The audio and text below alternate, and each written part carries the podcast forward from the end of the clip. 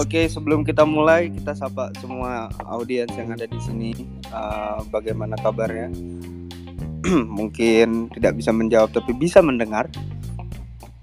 Balik lagi di Space Media Club, yang mana memang kita uh, ya nggak rutin sih mengadakan space.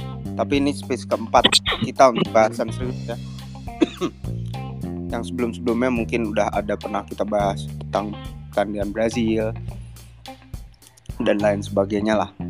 Nah, hari ini uh, pembahasan kita tuh uh, tentang judi bola nih. Uh, tentunya kalau followers media yang udah lama ataupun yang ya baru kemarin lah kita baru nge-share beritanya sih sebenarnya tentang uh, match fixing ini. Nah, tapi sebelum ke sana nih, uh, gue mau kenalin dulu nih yang bakal bahas ini ada, halo John. Yes, I'm Gimana here. nonton apa aja di hari Sabtu kemarin? Uh, kemarin dari hari Jumat nontonnya. Ada Brentford Watford yang menang 2-1 yang dia yeah, itu Arager ya nonton di pinggir juga. Mm-hmm. By the way sebelumnya sorry kalau suara gue noise ya. Gue di teras ya. Sambil mantau ngeri ada ngeri ada Avanza hitam lewat gitu kan. Gak apa-apa, gue pengen dengerin cerita cerita berasa berasa di ini gue pedesaan gitu. iya iya iya. Akhir akhir pekan ini banyak ya. Semalam kekecewaannya ada di Udinese ya, AC Milan, si tuh main kayak iya. ada effort gitu. Satu sama. Hmm. Satu sama, mereka main kayak nggak ada effort banget untuk menang gitu kan. Itu oh, kecewa. Ini ya body language ya. Kemarin juga Rani hmm. mempermasalahkan body language para pemain Manchester United tuh. Mungkin oh, kayak sama tapi mungkin itu kebiasa udah apa biasa ya Milan seperti itu sering banget buat di language pemain-pemainnya uh, jadi masalah. Jadi hmm. ada Napoli nanti malam mungkin jadi Kapolista jam 12 malam. Eh, peluangnya terbilang sangat besar mengingat lawannya Empoli yang ya Empoli kalau main di kandang memang uh, mereka oke okay, gitu kan. Cuma lawan Napoli ini ya sulit sulit jadi kayak ini tuh kesempatan besar banget buat Inter nyalip uh, AC Milan di puncak. Memang kayaknya sepertinya puncak tuh lagi licin gitu loh kalau kata seri Alawas ya. ya, tapi Napoli sendiri uh, lagi banyak pemain yang hmm. absen. Uh, beberapa pemain yang absen, hmm? masuk hmm? Lobotka, uh, hmm? Dan beberapa pemain lainnya seperti Insigne dan uh, ada lagi uh, Victor Osimen, Osimen juga cedera. Nah itu mungkin sedikit lah ya. Terus kalau gua kemarin, lu udah nonton berapa pertandingan nih dari hari Sabtu itu? Wah banyak ya, gue lupa untuk berapa banyak ya, cuma gua... oke okay lah. Oh, oke, okay. gue Salernitana ini ya Fiorentina ya, Vlahovic lagi naik Oh ya pada nonton coba Fiorentina pantau Vlahovic. Eh, kemudian gue kemarin sendiri cuman nonton setengah babak Manchester United. Nah itu pertandingan yang gue lihat sih. Ngomong-ngomong soal MU kan fanbase fanbase nya banyak nih di Indonesia. Nah hmm. kalau udah ngomong Indonesia gue lagi pengen ngomongin soal apa yang terjadi di Piala AFF mungkin gue lebih uh, pengen tahu sih. John kita langsung masuk pembahasan aja sih. Mungkin orang-orang di sini juga lagi pengen tahu nih soal gimana judi bola bisa mengalir nih. Ya. Nah itu tuh uh, kira-kira kita mau ngejelasin dari mana dulu nih anaknya nih. Kalau gue nanya-nanya soal gimana sih lu bisa bikin treat itu tuh awalnya tuh? Gimana hmm. itu mulai dari sana tuh. Uh, lu mungkin bisa jelasin sedikit kali. Oke. Okay. nih kita masih nunggu yang lain atau gimana nih? Ke, ke karena gini ya uh, bahasan kita sore ini satu ada ya uh, poinnya bisa mengedukasi poinnya bisa soal apa menjelaskan situasinya seperti apa betul atau tidaknya gitu kan. Uh, hmm. ya makanya uh, tapi ini gue... deh. Oke oke gue paham. Gini deh. Mungkin lo hmm. ceritain dulu dulu juga pemain kan? Mungkin lo ceritain dulu saat lo main tuh gimana sih? Apa sih asiknya? Bisa A- apa bisa. sih bikin lo main gitu? Bisa diralat nggak sih? Saya bukan pemain. Oh bukan. Sorry. Saya bukan pemain tapi Gua kenapa gue jadi kenapa kenapa gue bisa bicara di sini? Ya gue bukan pemain Eh, actually bukan pemain. Cuma untuk bekerja di bidang itu gue pernah gitu. Hmm. jadi ya, ya gue di sini mengangkat apa namanya eh, pengalaman gue itu kan Hmm. berdasarkan pengalaman gue untuk eh, gue paparkan atau gue gambarkan. Gimana sih sebenarnya judi online dan ya, apalagi ini terkait Piala AFF di mana Indonesia eh, partisipasi di event itu begitu kan gitu kepencet Oke. Oke oke oke oke. Lu pernah eh, di mana nih Manila ya waktu itu ya? Sebagai Ya. ini. ya gue pernah uh, bekerja di sebuah perusahaan lah ya. Perusahaan tanda kutip game online di sana. Dan ya beberapa bulan di sana Mhm. melihat si akhirnya dapurnya seperti apa sih gitu. Kayak gitu sih. Lu kerja di Manila di which is Filipin eh, di rumah judi dan lu tahu dapurnya gimana dan lu akhirnya memutuskan untuk bikin rumah judi sendiri di Indonesia. nggak gitu juga sih bang nggak gitu juga. Gue berharap gitu. Nah, pe- pengen sih. Pengen sih cuma modalnya nggak ada aja gitu kan. Ya, siapa tahu di sini ada investor. oke. Dua menit lagi jam 2 Jam seperti 24, janji kita kita 24, bakal mulai jam 2 ya. Oh mungkin gini gini gini. Kita kenalin dulu kali ke audiens. Eh, gua nih Reski salah satu admin Medio juga dan John ini juga admin Medio. Kemudian di Medio Host juga ada ah, salah satu admin juga eh yang jadi hostnya saat ini yang ya sekarang dia lagi di balik layar ya. Nah kita memang ada ini nih buat ngasih lihat perspektif lain lah ya.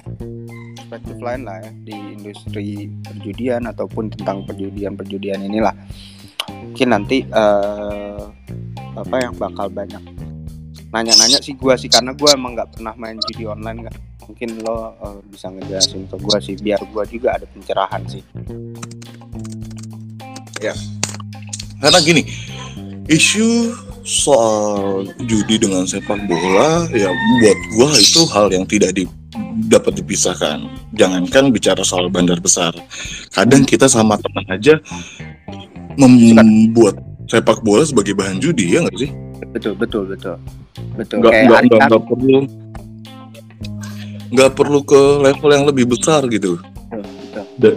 dari lingkup kita aja itu sebenarnya kita udah dari dulu juga udah udah ada sering menca bahasa bahasanya apa ya? Menjudikan pertandingan sepak bola. Betul. kayak gitulah ya. Iya, sebenarnya. Ada Isan ini kalau diadain lagi ada turnamen besar kayak Piala Dunia atau Piala Eropa kan kita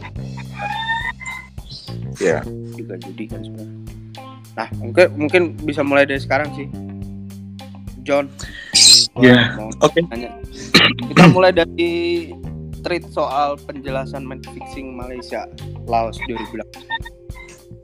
ya nah, iya.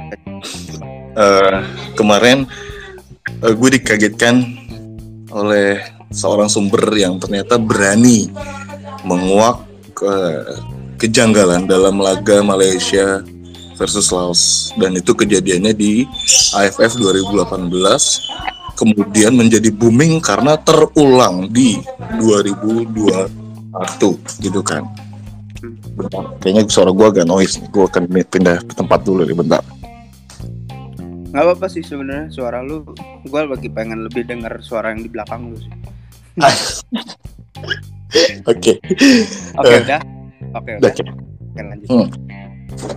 Nah, akun itu menguak dalam sebuah tweet simple, Eh, di mana dia kasih table table judi, kemudian dia kasih indikasi kecurangannya, baik dari video, foto gitu. Oh, gue bilang ini orang berani gitu. Ini orang berani ya sebenarnya nggak nggak nggak ada ancaman apa pun sih kalau kalau lu nggak jadi viral ya karena Yes. Buat di Indonesia sendiri buat gue kita nggak terlalu viral ya dan itu juga viral ketika pun viral tidak ada kaitannya dengan Indonesia gitu gitu di, yes. di, di, di kasus tersebut gitu kan oke okay. mungkin yang pertama mau gue sampaikan soal bagaimana judi bola itu bekerja res okay. karena sebelum masuk kasus kita harus tahu dulu ya Cara gimana sih gitu kan hmm. oke okay. pertama gue mau kasih paparan.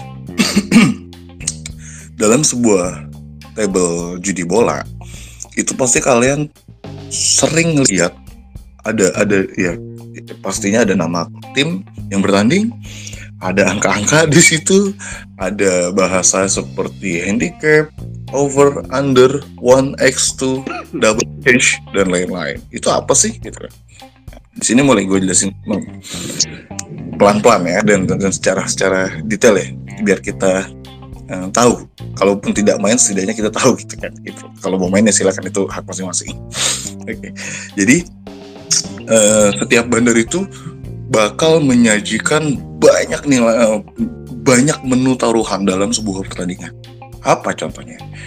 Satu uh, kalian bisa memasang tim yang bertanding dalam menu 1x2 kalian akan diminta eh, menebak siapa yang akan menang. Tim tuan rumah hasilnya imbang atau tim tamu yang menang.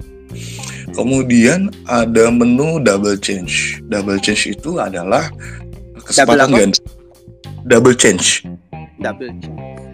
Okay. ya. Double change adalah kesempatan ganda, di mana dalam taruhan tersebut kalian bisa bertaruh untuk dua kemungkinan.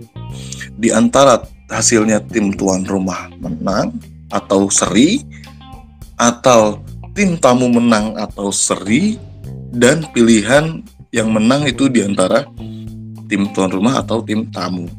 I see. Kemudian yang paling banyak digunakan itu sebenarnya bukan yang itu ya. ya paling banyak yang dipakai ini ya, di, di, dipermainkan itu orang naruh duit gitu kan. Itu lebih banyak di handicap handicap. Handicap. Ya di handicap itu oh sorry handicap itu furfuran tapi orang banyak main di over under over under apa? Over under itu bicara soal gol. Berapa banyak gol yang tercipta di pertandingan tersebut? Nantinya rumah judi akan membuatkan odds. Itu akan dinilai uh, kayak misalnya uh, oddsnya dua si player nanti akan menebak. Disuruh menebak. Ini kira-kira pertandingan ini gol yang tercipta kurang dari dua atau lebih dari dua? Kalau kalau kurang dari dua ya itu nanti ada pilihannya. Uh, si pemain milih lebih kurang atau tepat dua. Itu ada pilihan over under hmm. jadi gitu. Uh, bukan cuma itu bisa bertambah di tengah laga nggak sih Sorry sorry Res, kenapa Res? Uh, suara lu tadi agak putus-putus. Sorry, odds itu bisa bertambah di tengah-tengah laga nggak atau si ini judinya bisa nentuin odds nggak? Kayak ditutup. berubah. Berubah iya, ditutup iya. Hmm. Dan ini itu itu jadi poin kecurigaan di pertandingan uh, Malaysia Laos memang kemarin gitu. Jadi uh, sorry si pemain ini nanti bisa naruh mungkin kalian pernah sering dengar istilah bojol bola jalan nah itu hmm. adalah perubahan odds di mana para pemain judi ini bisa uh, bertaruh di tengah pertandingan yang sedang berjalan oke okay? oke okay. nah nantinya akan ada momen di mana rumah judi menutup odds itu menutup taruhan di pertandingan itu dan si uh, para pemain tidak bisa lagi bertaruh untuk hmm. pertandingan itu kayak cuma ditutupnya 5 menit sebelum pertandingan, 25 menit sebelum pertandingan. Ya namanya hmm. judi kan ya, pertaruhan. Hmm. Gitu loh. Mau berapa menit pun ya lu udah kayak bahasanya bahasa di kita apa ya, tos-tosan gitu kan. Hmm. Itu. Nah, se sebenarnya taruhan dalam table yang disajikan rumah judi itu banyak. Lalu harus menebak siapa tim yang menang, menebak jumlah banyak jumlah gol yang akan tercipta, menebak uh, furfuran, itu ada ada nilai nanti. Itu ada ada menu di mana oh tim A ngefor sekian tim B ngefor sekian. Lu pak lu eh, bertarung untuk tim yang mana kayak gitu. itu itu ada ada kayak gitu. Dan kemudian ada eh, siapa pencetak eh, siapa tim yang mencetak gol duluan berapa banyak lemparan ke dalam dalam pertandingan itu berapa Iya. banyak tendangan penjuru dalam pertandingan itu. Ya banyak intinya intinya menunya tuh banyak dalam dalam dalam judi online gitu. Nah, apalagi di zaman sekarang ini Hmm. orang main judi itu dipermudah dengan ya lo bisa download aplikasinya atau lewat handphone gitu kan. Eh, deposit via m banking via payment gateway gitu. Itu tuh gak dipermudah banget zaman sekarang gitu. Dipermudah Iya. banget. Eh, apa lagi nih? Kemudian kita masuk ke soal Malaysia, sama Laos. berikutnya.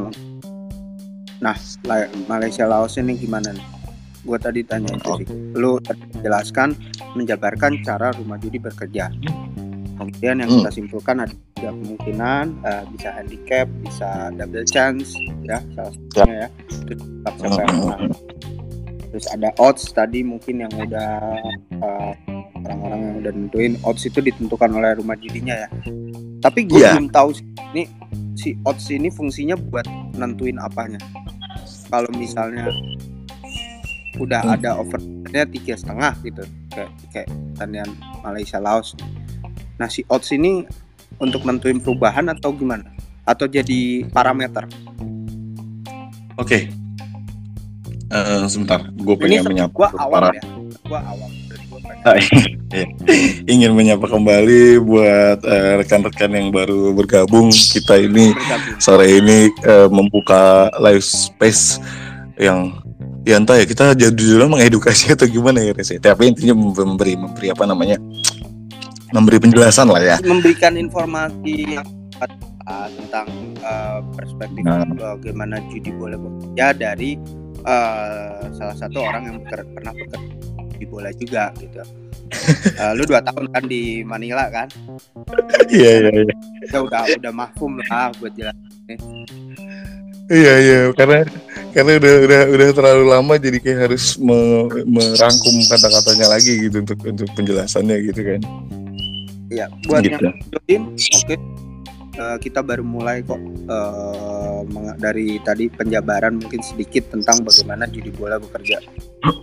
Oke, mungkin odds tuh uh, odds itu parameter atau bagaimana iya eh, itu sebagai parameter jadi ada eh, jadi ada gini. Eh, sorry, lebih lebih kepada handicap yang untuk parameter ya. Odds itu adalah untuk penilaian perkalian kemenangan si pemain. Jadi gini. Di pertandingan contoh kita ambil contoh aja ya, Res ya. Arsenal MU. Ya, oke. Eh, handicapnya adalah ka- katakanlah dua. Ini untuk permainan over under. Hmm. handicapnya dua. Nah, nanti si rumah judi ini men- menyajikan menu taruhan adalah pertandingan Arsenal MU ini akan berakhir dengan dua gol, lebih dari dua gol atau di bawah dua gol. Oke. Oke. Oke. Nanti si eh, si pemain akan disajikan pilihan itu. Kemudian ada odds eh, adalah itu itu adalah pengalian kemenangan si eh, pemain judi. Jadi gini, misal di atas kertas Arsenal diunggulkan karena sebagai tuan rumah dan tren positifnya yang lagi bagus, Hmm. kemenangan perkalian Arsenal itu akan lebih rendah dibanding MU. Hmm. Oke. Kenapa lebih rendah? Ya karena Arsenal diunggulkan. Itu lebih punya peluang besar menang di atas kertas. Jadi siapa pun orang yang menaruh di Arsenal, kemenangannya akan lebih rendah dibanding mereka yang pegang MU. Kenapa MU? Kenapa MU di, di, di apa namanya diunggulkan? Ya faktor dia sebagai tim tamu dan mungkin sedang tren dalam, dalam negatif gitu kan? Iya. gue nggak bicara internet lebih jauh lah ya. Ini kita bicara judinya aja lah. Ya. Iya. Gitu. ya. Bentar noise. Noise. Nah, itu kan. Nah, kemudian siapa pun orang atau pemain yang menaruh di MU jelas akan lebih akan menang lebih besar karena MU tidak diunggulkan dalam pertandingan itu gitu. Hmm. Kemudian apa yang terjadi di Laos gitu kan. Hmm. kok kok bisa di, diindikasikan bahwa oh Malaysia Laos ini eh, sudah diatur nih oleh bandar gitu. Hmm. gitu kan. Nah ini gue jelasin dulu yang di tahun 2018 di tahun 2018 kedua tim bertemu dan memang di di, di eh, sorry di fase grup.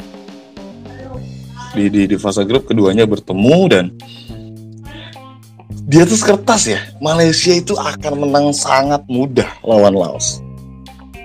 Tanpa harus ada isu tentang eh, judi atau pengaturan skor di pertandingan itu itu sudah jelas di atas kertas Malaysia dan Laos itu Malaysia akan menang di atas kertas. Tapi apa yang terjadi? Da- dari menit pertama sampai extra eh, sorry half time itu pertandingan satu sama dan Laos sempat unggul kalau gue nggak salah Laos sempat unggul satu sama. Nah otomatis Laos sebagai tim yang tidak diunggulkan perkalian kemenangan kemenangannya akan jauh lebih besar dari Malaysia. Secara psikologis orang akan berpikir mereka akan menaruh duit di Laos. Laos, yes, karena diunggulin tadi ya.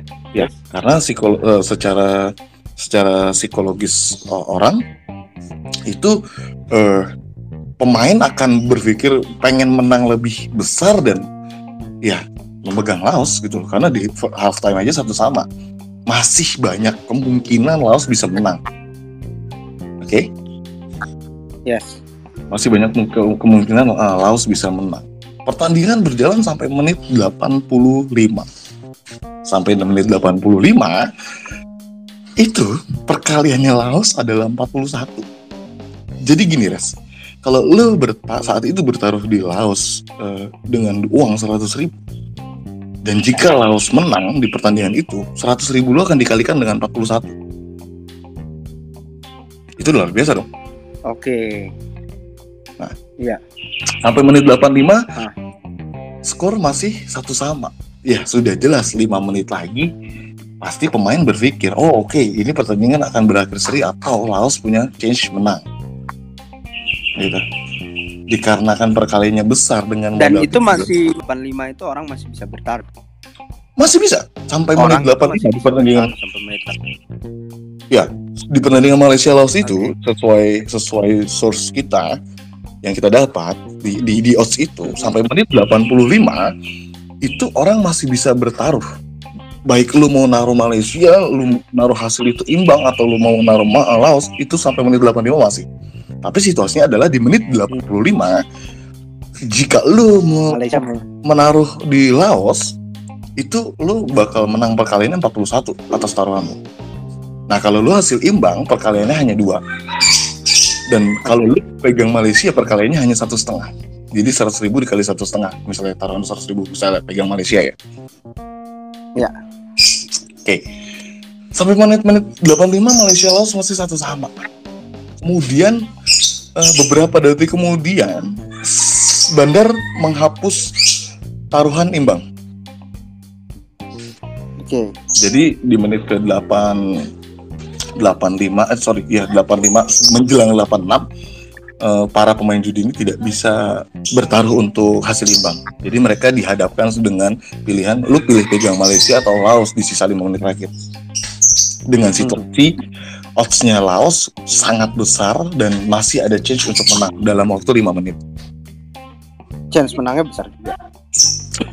Di sini kalau di atas kertas gue tetap bilang chance chance menang Laos itu agak kurang karena di atas kertas adalah Malaysia unggul. Masalahnya adalah skor satu itu bertahan sampai 85 gitu loh. Hmm. Jadi jadi apa ya? Gue bisa bilang eh, tim tradingnya rumah judi ini memainkan psikologis pemain. Dari gue modal 100 ribu, kalau gue megang Malaysia cuma menang eh, 250, tapi kalau gue pegang Laos menang 41 juta dan Laos masih ada chance menang, otomatis masih banyak yang pasti banyak yang berpikir udahlah gue tos-tosan aja pegang Laos. Nah, situasinya adalah menit 85 ini sudah gue prediksi bahwa orang-orang banyak menaruh duit di Laos. Itu sudah pasti. Karena balik lagi ya, iming-iming kemenangan besar atas perkalian tersebut. Oke? Ya.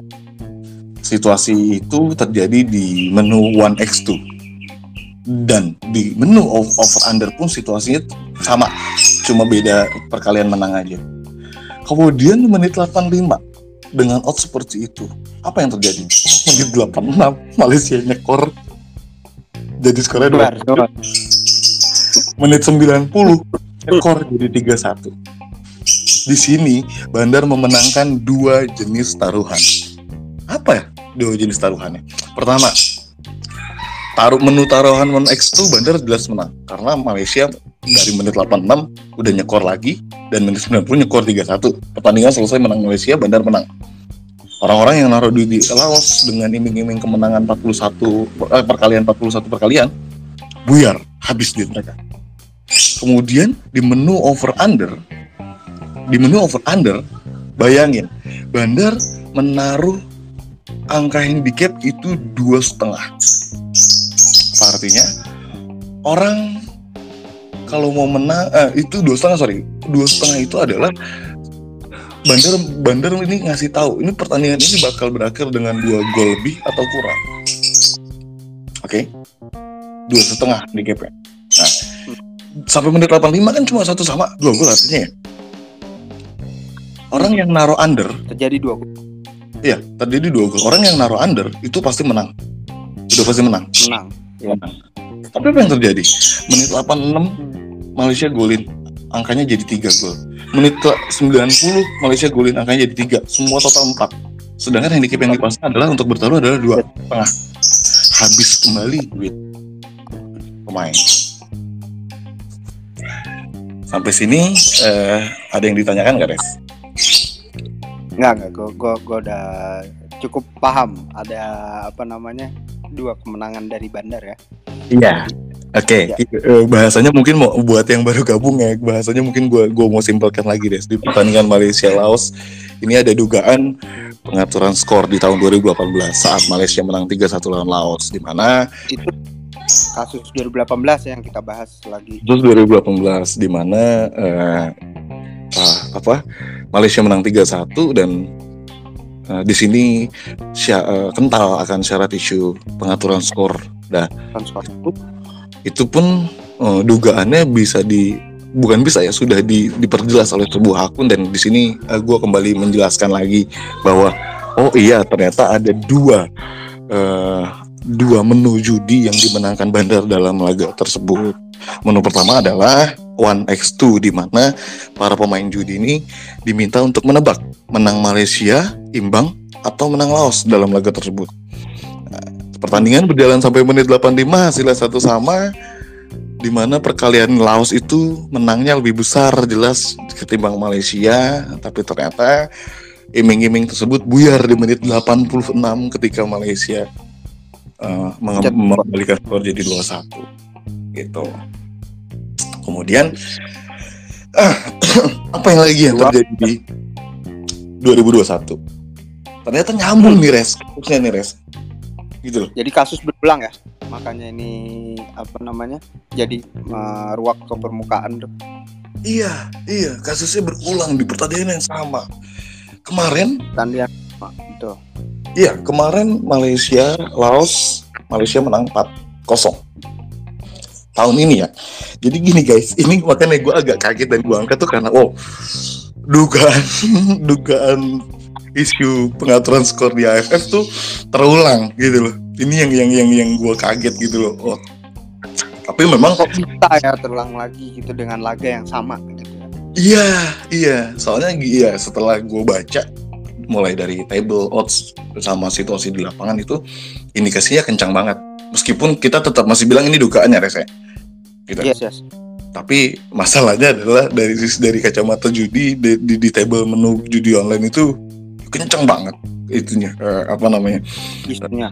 dugaannya perhitungannya tuh kayak kencang banget kalau oh, ini tuh eh, apa namanya udah diatur loh gitu. Nah oke Hmm. balik lagi kembali ke pertandingan yang kemarin. Malaysia menang 4-0 lawan Laos. Nah, kemudian itu pertandingannya terlihat biasa aja. Karena balik lagi kayak gue bilang ya dari dulu udah pasti Malaysia di atas kertas menang lawan Laos. Oke. Nah, pertandingan Iya. kemarin buat orang yang nggak sempet nyimak table judi atau nggak tahu bagaimana membaca table judi, pertandingan itu terlihat normal. 4-0 Malaysia yang unggul 2-0 di babak pertama, unggul 2-0 di babak kedua. Itu di menit ke-70 ke atas. Itu terlihat normal. Sampai akhirnya trade ini muncul, baru pertandingan itu dipertanyakan. Nah, kemudian kemenangan Malaysia 4-0 kemarin indikasi judinya apa? Berdasar sumber yang kita dapat. Jadi tim Dari Bobby Brown iya, Bobby Brown Iya. oke terus Eh, sorry, oh, kenapa Res? Suara lo putus-putus. sumbernya Bobby Brown kan yang menguak gitu Ah, gue lupa ya kemarin gue bikin tweet sumbernya apa gue gue cantumin kok. Ah. dan eh di situ ada menu over under. Balik lagi seperti yang tadi gue jelasin. Si eh, para pemain judi ini disajikan menu over under untuk menebak pertandingan itu akan berakhir dengan jumlah berapa gol sih gitu kan. Nah, dalam pertandingan Malaysia Laos kemarin tahun ini eh, nilai over undernya itu adalah tiga setengah. Jadi para para pemain judi ini suruh menebak nih jumlah golnya dalam pertandingan ini di atas tiga setengah atau di bawah tiga setengah. Gitu. Sampai menit ke 74 kalau gua nggak salah ya. Sampai menit ke 74 itu pertandingan 3-0. Skornya 3-0. Artinya apa? Ya, berarti orang yang bertaruh under itu bakal menang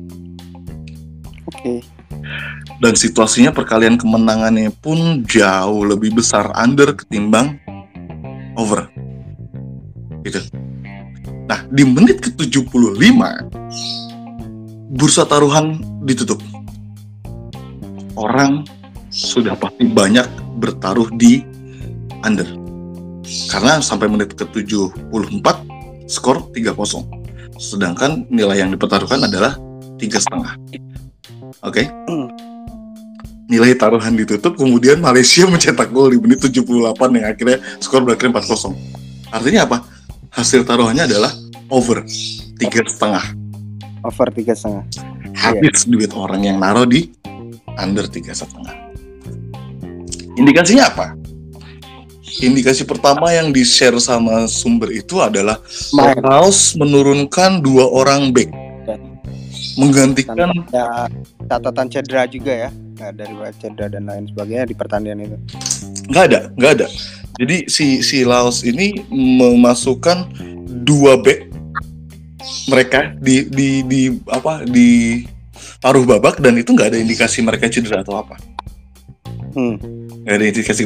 Kemudian ternyata benar si sumber kita ini punya video gestur aneh dari dua back yang baru masuk ini. Mereka kayak nggak ada effort sebagai back untuk menghalau pergerakan lawan atau menyapu bola oke oke gitu. Uh, jadi dua indikasi ini uh, jadi apa ya? Uh, jadi semacam jadi bukti kuat bukti kuat jadi bukti kuat dari dari sumber ya. Gue tidak gue tidak mengatakan ini sudah diatur atau ini adalah bukti kalau ini diatur tidak. Tapi Ya. pergantian pemain yang aneh, indikasi pergantian aneh, pergantian pemain yang aneh dan uh, apa namanya? Pergantian pemain yang aneh dan gestur pemain itu jadi jadi indikasi kuat dari dia dan itu dari kacamata sepak bola. Gitu. Kalau dari kacamata judinya adalah ya itu tadi taruhan un- uh, over under tiga setengah ditutup di menit ke-75 situasi pertandingan 3-0 dan ternyata Malaysia, eh, Malaysia di menit 78 mencetak satu gol penting untuk Bandar memenangkan taruhan. Gitu, kayak gitu sih Res. Nah, itu, itu soal ini ya judi dari apa namanya kita udah ngebahas tadi cara kerja rumah judi terus kemudian kita bahas uh, match fixing 2018 dan sekarang 2020 semuanya itu adalah kita berdasarkan uh, dari salah satu sumber dan uh, kita menyimpulkan dari ada beberapa indikasi yang meng- mengarah ke sana gitu ya. Hmm, sangat sangat apa ya namanya berarti kalau menurut lo sendiri apakah sebelum nonton laga sepak bola perlu lihat table rumah judi atau menu rumah judi eh kalau karena gue bukan pemain gue nggak mau ngeliat Oke. Tapi Even untuk memprediksi, untuk memprediksi karena kan eh kayaknya lebih akurat prediksi rumah judi daripada komentator-komentator. eh apa ya? Eh, gue gue gue gue nggak gue nggak pernah. Gini gini res. Karena satu gue bukan pemain dan gue dua gue bisa sebut diri gue sebagai penikmat sepak bola. Gue sering apa ya nggak pernah mau kasih tebakan judi. Kasih tebakan hasil pertandingan berdasarkan eh, nilai taruhan itu gue nggak pernah mau sih nggak tahu kenapa kayak gue khawatir merusak esensi sepak bola itu sendiri gitu loh. Ketika lo tahu oddsnya dan lo mau nonton lo tuh yang kayak ah nanti juga tim ini mencetak gol nanti tim ini juga mencetak gol di menit sekian. Itu itu buat gue merusak esensi sih.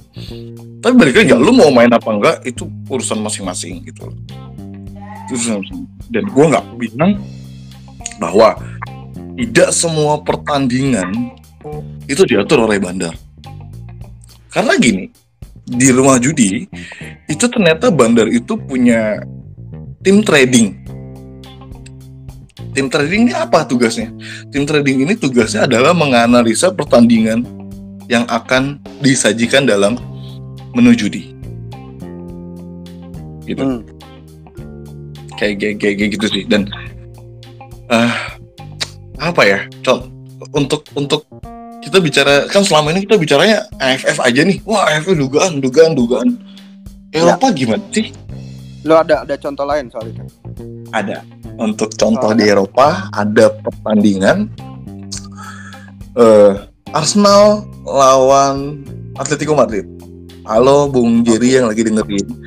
Ini gue lagi ngebuka dugaan kasus eh, match fixing di pertandingan contoh pertandingan Eropa itu antara Arsenal Atletico. Madrid. Itu leg pertama Europe League kalau gua nggak salah Europe eh, semifinal pertama Europe League 2017 2018 Oke. kalau nggak salah itu. Da- eh, sekali lagi garis bawah ya ini hanya membaca dugaan. Oke.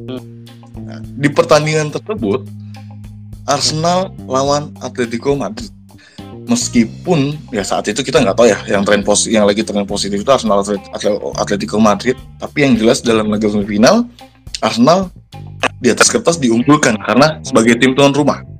Secara psikologis kita gitu kan. Itu itu jelas Iya. diunggulkan lah ya. Nah apa yang terjadi? Di menit ke 10 back Atletico Madrid Sime Versachko itu di kartu merah wasit gue tanya sama lu res sebagai lu yang punya duit dengan situasi kayak gitu lu lu bertaruh tuh pegang duit buat tuan rumah Arsenal apa buat Atletico Madrid Ya Arsenal lah. Udah kartu merah lawan. ya eh, by the way ini eh, di di gue doang atau emang semuanya denger Reski putus-putus ya suaranya Enggak, enggak, gue putus-putus. Ya gue putus-putus, sorry. Gue pegang Arsenal, gue pegang Arsenal. Ah, ya, secara psikologis pasti orang-orang pegang Arsenal, tuan rumah dan unggul juta pemain eh, sejak menit 10. Pun ketika Arsenal saat itu lagi jelek-jeleknya main, orang pasti pegang Arsenal. Iya dong, Iya, betul. gitu. Pertandingan berjalan. Lo tau, eh, sorry gue lupa di menit berapa Arsenal unggul 1-0. Gue lupa diinget eh, di menit berapa sorry. Gue gue mungkin harus buka buka catatan dulu ya. Gue buka catatan dulu ya.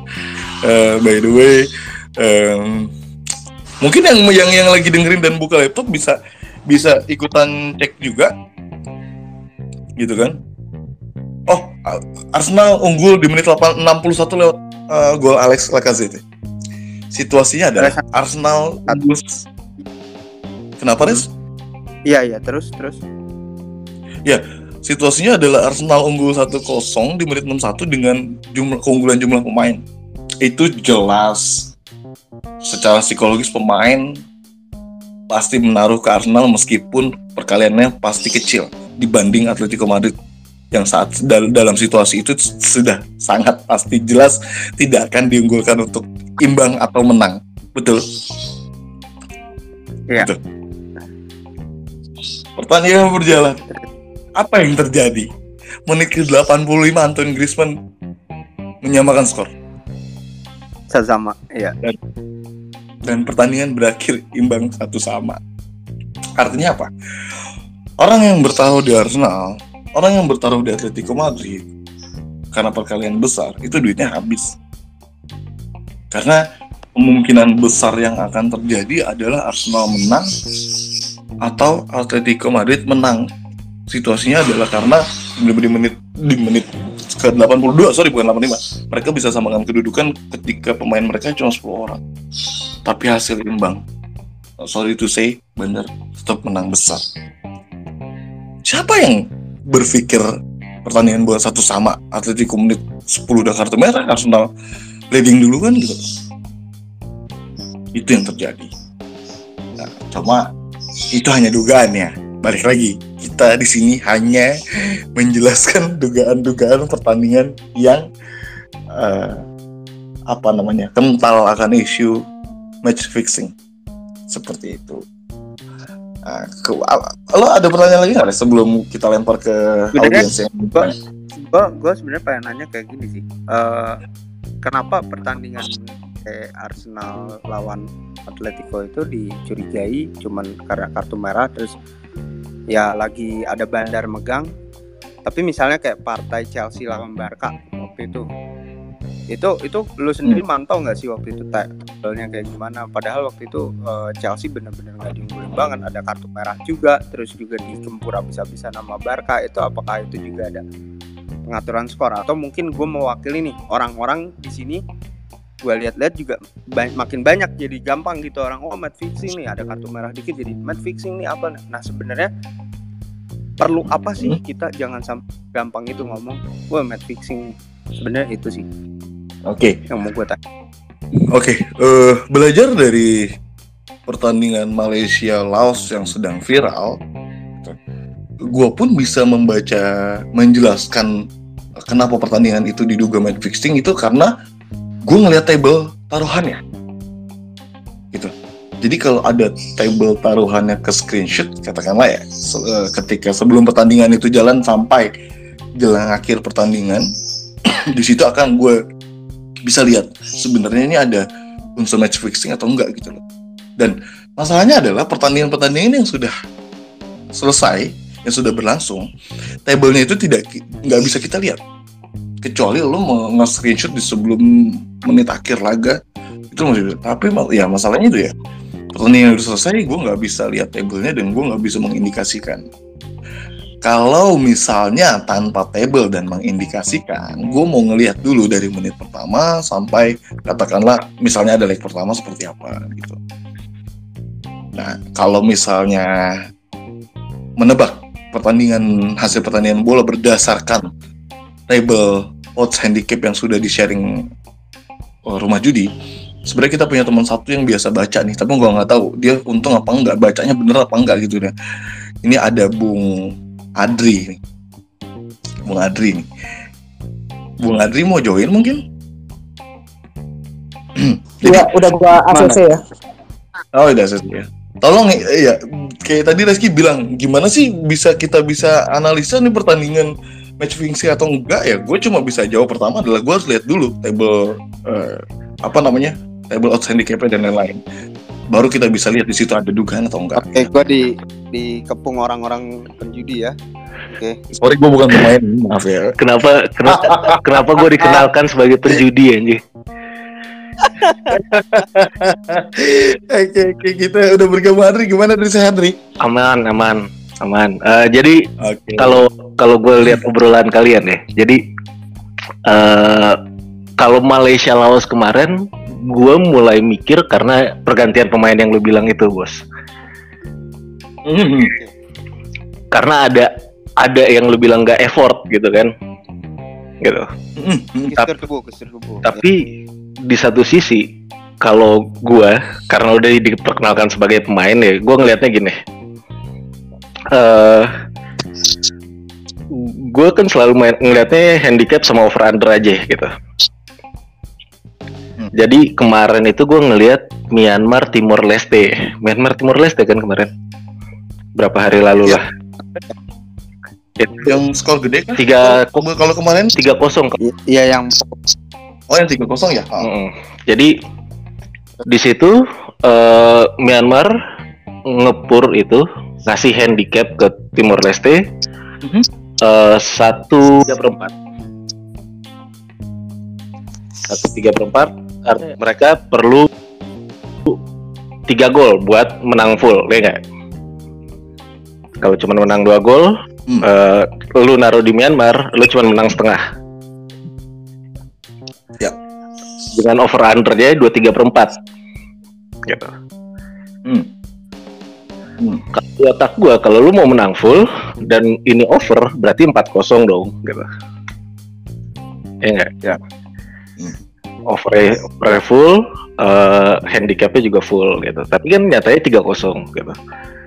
Eh gue gue lebih percaya di mana yang lu bilang tiap rumah judi itu punya analis.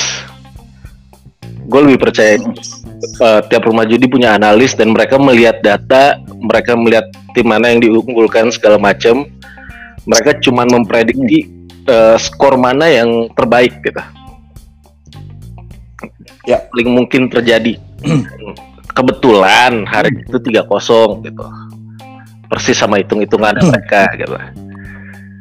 Nah. Oke.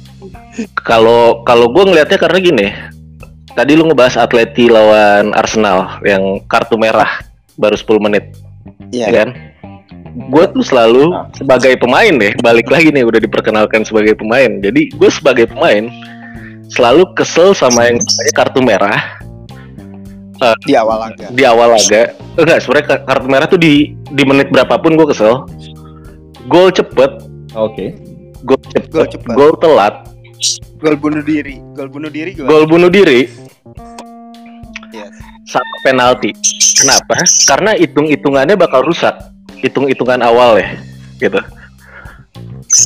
nah kalau lu lihat kayak eh, Espanyol Levante kemarin yang gue share juga ke media kan Hmm. itu Espanyol Levante over undernya paling dua dua setengah dua dua tiga perempat gitu karena kita mikirnya ya ini nggak bakal banyak gol gitu pasti segitu Oke. gitu kan Hmm. tapi kan kenyataannya ada gol cepet terus pertandingan jadi panas dan segala macam ya. Jadi kalau gue ngelihatnya lebih kayak eh judi settingan gitu. Gue gue bakal lebih mikir ada settingan kalau emang beneran ada yang aneh gitu di lapangan ya kalau semua Oh, Oke. kalau semuanya masih Oke. ngurusin bola gitu emang bolanya kayak gitu aja karena balik lagi gue lebih percaya di rumah judi ada analis ya Oke, jadi kalau dari sisi arti pemain ini, eh, sepa apa ya? eh, ya memang ada yang benar-benar diatur langsung gitu ya. Menurut tuh po- pokoknya kalau pertandingan itu match fixing, itu pasti ada gestur di lapangan yang bermain gitu kan. Itu. iya gue ngeliatnya lebih kayak gitu Tapi kalau sama sekali sama kalau tapi kalau sama sekali tidak ada gestur yang dimainkan di pertandingan langsung di lapangan yaitu murni uh, analisa tim trading judi dan hasilnya ya apa adanya gitu kan gitu. Maksud lu gitu ya dia? ini kayak Ini gua- Ini gua gue buka dikit ya Ah. In- Indonesia Gua- gua- Indonesia Laos Indonesia Laos nanti nanti sore Mhm. kita itu kalau kata Bobet kita itu Ya. ngepur tiga Kita ngepur tiga. Oke. Oke. kita ngepur tiga Eh, handicap paling rendah itu dua dua tujuh lima tetap tiga gol lu menang tapi menangnya setengah empat gol lu menang full oke Oh, wait, over under berapa deh? over undernya tiga setengah eh tiga tujuh lima sama empat Tiga sorry, gua, koma gua, gua potong, gua potong, gua potong. Hmm. Oh, kita bakal menang lima kosong nih, Dri. Ini ini gua potong. Kayak kok lu John lu tertarik kayaknya. Oh, enggak, enggak, enggak, enggak. Buat pasang ya. Bukan, karena karena gini, even gue tahu bisa ngebaca, gue bukan orang yang rajin ngecek ini eh, apa namanya angka-angka taruhan yang dikip ya dari bandar gitu loh karena gue nggak mau tahu gue dari dulu bilang sama Adri gue Adri gue nonton bola gue nggak mau terganggu dengan kebiasaan kita baca hal itu gue nggak mau tahu Iya, gitu cuy. tapi si Adri ya kita kita udah sering ngomong ya Adri dari dulu ya Adri ya kalau lu tahu eh, bisa membaca table jangan pernah membaca table kalau pengen nonton bola murni gitu Jadi Hmm. 4-0 atau 5-0 kan? Hmm. Feeling gue sih 4-0 atau enggak beda 4 lah gitu. eh outset gede nggak sih buat Laos ya? Gede banget. Hmm? Laos Laos gede banget nanti Laos itu handicap sebenarnya buat megang Laos itu kali 32 megang Laos kalau Laos menang. 32 bukan 3.2 enggak 32 kalau Laos menang megang Indonesia cuma 105 105 coy. Bukan satu setengah 105 Oke. Berarti kalau pertandingan 0-0 1-1 2 sama sampai menit 85 kita harus angkat bicara lagi deh sebenarnya kayaknya sih setelah setelah pertandingan itu deh Dri.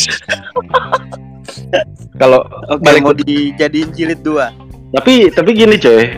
Kalau lu kalau lu inget waktu kita ngobrol di Discord jadi Medio punya Discord. Kalau ada yang mau join silahkan Hmm, Yes. Arsenal Arsenal Brentford awal musim ini Ya. Ya. eh, satu, dua satu, dua satu. 2-1 gue bilang kan ke lu bos ini seriusan Arsenal cuma ngepur seperempat Ya. Arsenal cuma butuh satu gol buat dapet duit semua orang bakal megang Arsenal dong Hmm. Ya. tapi lu ingat golnya Brentford gol kemenangannya di menit-menit akhir kan Menit akhir, menit Hmm. akhir. Mungkin gue jelasin juga kalau bahasannya eh, Brentford tuh tim promosi tapi Mm, tapi cuma seperempat coy gitu. Lu seri aja. Lu megang Arsenal, lu seri, lu cuma hilang setengah iya. gitu.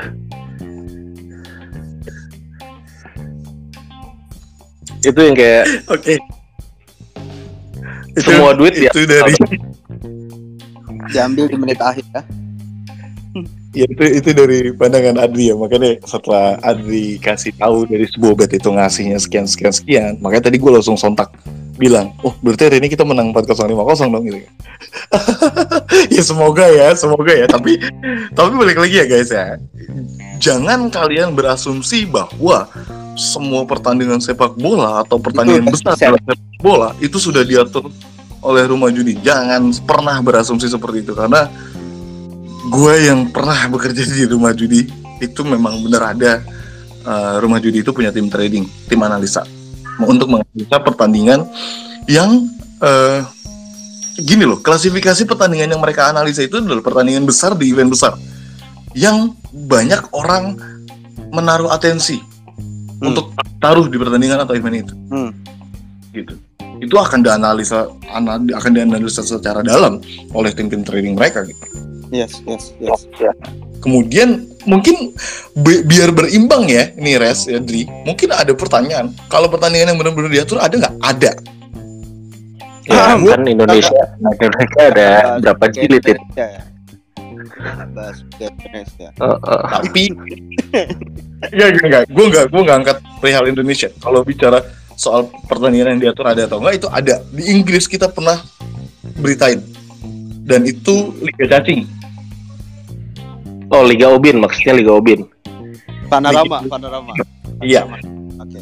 Itu kiper salah satu tim itu yang jadi objek da- dari tim rumah judi untuk memainkan eh, pertandingan itu. Kok bisa satu orang? Nah, gampang. Dia bermain buruk di pertandingan itu. Jadi kayak se se sejelek apa pun tim lawan, kalau kipernya aja udah udah dibayar dan jelek, ya tim lawan bisa aja golin gitu. Yes, yes. Dan Gue Balik gue gue boleh nambah dikit ya. ya boleh silakan. Saya kata kita beneran menang 4-0 5-0. Yang perlu diingat adalah berarti hitungannya rumah judi bener buat ngunggulin Indonesia setinggi itu. Analisa mereka bener. Bukan Iya. pertandingan kita. Iya, betul. Nah, itu yang itu yang perlu gue ingetin. Dan kalau mau fair, Vietnam Vietnam ngepur Malaysia 3 per 4 atau satu. Jadi Vietnam diunggulin buat menang 2-0. Hmm, oke. Oke. Ini jadi jadi acu- bukan acuan sih, jadi jadi gambaran iseng-iseng aja ya. Dan jadi ntar pertandingan jalan kita lihat eh bener nggak sih skornya kayak gini terus Gua gua gua gua ada pertanyaan tapi gua mau lu lanjutin tadi eh, di kiper di Liga Panorama terus No, eh, boleh gue masuk gak? Boleh gue masuk gak? Ayo, ayo. Eh, yang kiper Vanagama itu, oke. gue sedikit menjelaskan ya. Kiper Vanagama itu kasusnya gini. eh, di Inggris itu pasal judinya itu nggak sekedar hasil pertandingan dan oke eh, siapa yang menang timnya. Tapi kemudian mereka bisa judi, mereka bisa judiin siapa yang kena kartu kuning, siapa yang kena kartu merah, Ya itu momen apa yang bakal terjadi di pertandingan oke dan apa pun itu. Nah, yang kita bicarain ini kiper Vanaram eh, kiper klub nama klubnya Sutton United. Gue lupa nama kipernya. Oke. Tapi di pertandingan dia dia kebetulan momen itu terjadi di FA Cup. Kalian bisa cari tahu. Eh, di pertandingan itu dia diamalin bakal makan. Kenapa dia bakal makan? Kenapa? Karena kiper itu mohon maaf dia gendut. Dia dia ya ciri khas orang yang suka makan gitu lah oh oke terus hingga menit ke 75 itu dia dia dia kebetulan nggak main dia duduk di bangku cadangan dia hahaha doang tiap kali disorot sama kamera ini kan eh, nggak tahu lah orang orang Inggris itu punya budaya judi yang saking rumit saking aneh-anehnya kita kadang-kadang nggak kebayang gitu. Hmm. Eh, orang orang udah mulai mikir ah nih orang pasti nggak bakal makan nih atau nggak bakal nyemil atau apalah. Eh kejadian 10 menit kemudian. Jelang pertandingan berakhir kamera nyorot dia dia makan dia makan sandwich. Dia makan sandwich. Dan itu menangin orang itu menangin orang yang ngejurin dia bakal makan di bench pertandingan jadi itu bukan karena dia ngatur pertanding- pertandingan atau apa kalian bisa cari tahu oke silakan lanjut itu panelis balik, itu balik lagi sebenarnya ke ke ke ke pengetahuan para analis buat eh, ngelihat bola kayak gimana dan mereka ngambil ruangnya yang terbaik apa nih? Oh doi makan pasti, doi pasti makan. Kita taruh odds dia makan gitu. Gue selalu ngeliatnya kayak gitu aja ya. Oke oke oke itu eh, different culture berarti beda bola eh, beda tempat bola beda wilayah beda culture-nya ya yang dijudiin. Oke itu semakin menarik sebenarnya. Jadi itu kalau pembahasan dari yang Panorama League ya tadi penjelasannya dari langsung dari eh, tim analisis Panorama League dari Media Club. Oke oke. Eh, tapi eh, tadi pertanyaan gua kan berarti udah terjawab ya, relate ya. Tadi kan karena gua sekarang mantau juga mention-mention media yang masuk orang jadi atau eh, banyak juga yang kayak wah uh, match fixingnya ini apa nih. Nah kita coba mengajarkan gimana sih caranya lo tuh biar nggak langsung menebak match fixing atau apa ya. Ya tadi seperti yang Adri bilang, kalau misalnya eh, pertandingan itu tepat eh, sesuai bandar apa itu belum tentu itu diatur tapi juga ya mohon maaf eh, rumah judi juga ada sisi positifnya loh. Dia juga bisa meng- menganalisis gitu loh bukan berarti gua ngatur. Ibaratnya gue dituduh mulu gitu loh padahal yang setan ya elunya gitu. Nebak-nebak zon aja gitu. Iya res, gue gue gue tambahin deh, kayak eh gini deh. apa apa boleh boleh. Tambahin tambahin lo pada nonton Indonesia terus gue bilang Indonesia Indonesia ngepur 4 lu berani buat Hmm. buat megang Indonesia yakin dia menang 5 lima gol atau lebih sekalipun sekalipun kita pernah menang 6-0 dan eh, dominan lawan Laos tapi terakhir kita lawan Laos 2014 gitu kan Ya. Ya. lu berani buat megang megang Indonesia dengan kondisi tim kayak kemarin buat menang 4 gol eh 5 gol atau lebih lawan Laos. Gue rasa enggak. nangkep nangkep dengan Kalau gua sih enggak, kita gitu. juga kita juga bermain nggak terlalu bagus ya di babak kedua kita kebobolan dua yang mana sejarahnya Kamboja nggak pernah nih ngebobol gawang kita dua kali gitu ya Dua pernah, Ya. tiga nggak pernah. Oh iya tiga nggak pernah. Cuman apa namanya kemarin jadi eh, nilai negatif ya, di mana kita bisa kebobolan dua. Nah ini maksudnya adalah ya mereka tuh udah mempersiapkan kemungkinan itu dengan baik gitu loh tim analisisnya di set ke tabel menu itu udah eh, mereka punya historical historical atau sejarah sejarah mereka mereka tahu nih tim ini lagi kondisinya bagaimana apa segala macem. Nah tadi juga dari bos mema- memaparkan atau John memaparkan bagaimana lo uh, harus lihat table dulu kalau lo mau uh, bilang match fixing apa segala macem dan juga ada indikasi di lapangan gitu loh yang menandakan kalau misalnya ini ini patut dicurigai gitu. Jadi nggak semudah itu ya. Gue ambil contoh tadi Chelsea lawan Barcelona juga eh, ternyata belum bisa jadi acuan sebagai ini gimana nih? Apakah ini ada indikasi judi atau apa? segala macam ya kita harus lihat juga table menunya balik lagi gitu loh. Lu inget skor Chelsea Barcelona itu berapa berapa nggak? Gue tahu momen yang lu maksud, tapi skornya gue lupa. Dua sama kalau nggak salah ya dua sama Eh, Ramirez sama Torres dua sama Dua sama. Messi gagal penalti dan itu ada kartu merah di pertandingan itu gue lupa siapa kalau udah apa Kalau kalau kalau gitu gue nggak bisa komen. Balik lagi. Menurut gue hitung hitungan tuh rusak waktu ada gol cepet, ada kartu merah, ada penalti gol gitu. cepet ada gol cepet ada Ramirez itu, Gua- itu juga Menurut gue hitungannya hancur. Gol cepet tuh maksud gue di bawah 15 menit ya. Nah, kalau kalau gol kalau gol telat itu bener-bener 5 menit terakhir ke, ke atas lah gitu. ya di pertandingan itu juga banyak tadi yang lo bilang kayak eh, apa ada beberapa hal yang rusak gitu. Di antara ya penalti Messi gagal salah satunya gitu kan. Terus ya ya begitulah mungkin yang bisa gua simpulkan. Nah mungkin selanjutnya di sini ada audiens yang mau ikut bicara sebelum laga nanti monggo bin Eh, kalau ada yang request request kita ACC ya monggo monggo Oh iya. Oh iya, silakan langsung uh, request buat di accept sebagai atau speaker. gimana Ada Karena gini ya, gimana? mention mention kita semenjak kita bahas trip Laos Malaysia itu beberapa mention tentang Bukit Jalil 2010. Oh iya, iya. Apakah kita bakal membahas itu? Menarik sih. Duh, Silakan tapi tapi kita nunggu dulu. Ada yang nanya, ada yang bakal nanya itu enggak? jangan di- lah. Naik, naik, naik. Dan Tapi- sampai sekarang kan masih dugaan. Iya itu masih dugaan. Tapi John lu sendiri ada tambahan-tambahan? Oke. Piala final Piala AFF 2010 sampai sekarang masih Jangan dibahas semua ya, jangan dibahas semua. itu kan masih berupa dugaan ya.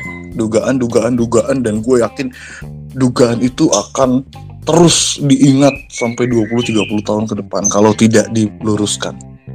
Oke. Kalau kita nggak juara, kalau kita juara mungkin lupa gue rasa. kita juara mungkin kita lupa tapi kalau kita nggak juara juara itu akan terus eh, jadi isu gitu mungkin cara pelurusan dari media gue cuma mau bilang balik lagi tadi kita sudah kasih tahu ya tidak semua pertandingan diatur karena karena tim rumah judi juga punya trading gitu dan setelah gue ngeliat eh, apa namanya em, perjalanan AFF 2010 baik dari Indonesia maupun Malaysia dan di dua pertandingan final itu dari sisi gua sepengetahuan gua sepengalaman gua tidak ada indikasi permainan angka untuk mengatur pertandingan tersebut. Semua berjalan normal yang bah, mungkin yang jadi yang yang jadi kaget buat buat Ya, kita dikit. selama ini adalah kenapa tiba-tiba kalah tiga. Sebentar ya gue gue mau meluruskan dulu ya. kenapa eh, yang yang sejauh ini tuh orang pasti mikir kagetnya adalah Indonesia bisa kalah 3-0 lawan Malaysia. Padahal di fase grup Indonesia kita menang 5-0 itu kan mem- memunculkan pertanyaan yang sampai sekarang ini sampai eh, jadi dugaan-dugaan dan dugaan gitu kan ya balik lagi. Malaysia kalah itu cuma dua pertandingan dan Indonesia kalah itu juga cuma eh sorry kalah itu cuma satu pertandingan. Mereka Indonesia itu kalah cuma 3-0 doang. Tapi satu sisi Malaysia setelah kalah 5-0 dari Indonesia performanya dia baik. Mereka bahkan mengalahkan Vietnam yang saat itu baru bangkit. Gitu gue gue yakin kalau da- nggak tahu dari sisi Adri mungkin dua leg itu juga nggak ada indikasi bahwa eh, Bandar memenangkan laga final. Nggak ada. Gua gua nggak bisa ngomong karena gue lupa pasarannya berapa. Ya, kayak gitu. Nah. ya.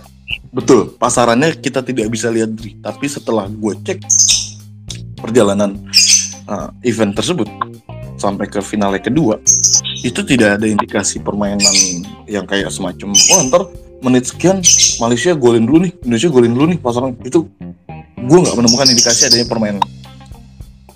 Tapi menurut gue dibantai itu out of out of norm bukan berarti di setting ya.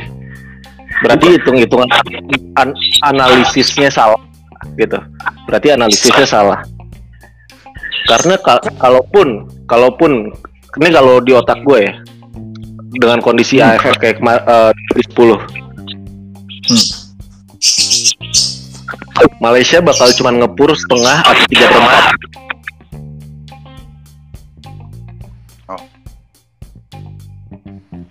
Bisa, bisa. Tapi Kalau kalau dari sisi gue ngelihat dari murni sepak bola ya, Dri ya. Malaysia kalau 5-0 dari kita itu di pertandingan pertama grup. Setelah pertandingan itu trennya mereka positif. Sampai akhirnya leg pertama final mereka main di kandang. Dengan tren positif dan main di kandang, kemenangan bukan hal aneh buat Malaysia. Meskipun Indonesia juga on fire. iya iya Dan dan di leg kedua di Senayan, ya Indonesia juga terkenal jago kandang. Kalau bisa gue bilang ya. Ini kita bicara sepak bola ya. Menang wajar. Yang mengagetkan memang pertandingan leg pertama kenapa 3-0 itu. Kalau dia kalau kalau audiens bertanya, kenapa Malaysia bisa menang 3-0? Ya mereka so, so, abis ngelewatin fase tren positif. Kemudian main di event yang harus mereka menangkan di kandang pula. Kemudian kalau indikasi di lapangan kita nggak bisa uh, rest Dri karena gua ngelihat dari dari 2010 itu uh, publik berbicara soal penampilan beberapa pemain kita yang seakan-akan nggak effort. Balik kita di gesturnya tuh mencurigakan gitu. Itu gue gitu gue nggak bisa jawab.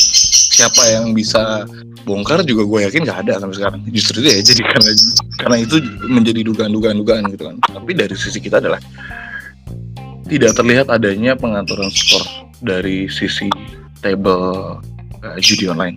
Iya, nambahin juga nih. Kema itu kan sempat pemain para pemain sempat diundang di sama acaranya si Najwa ya waktu itu. Itu di mana si Abka Hamzah itu mungkin nanti kalau dari sini Res, res. Apa gue potong gue cabut deh Oke oke oke.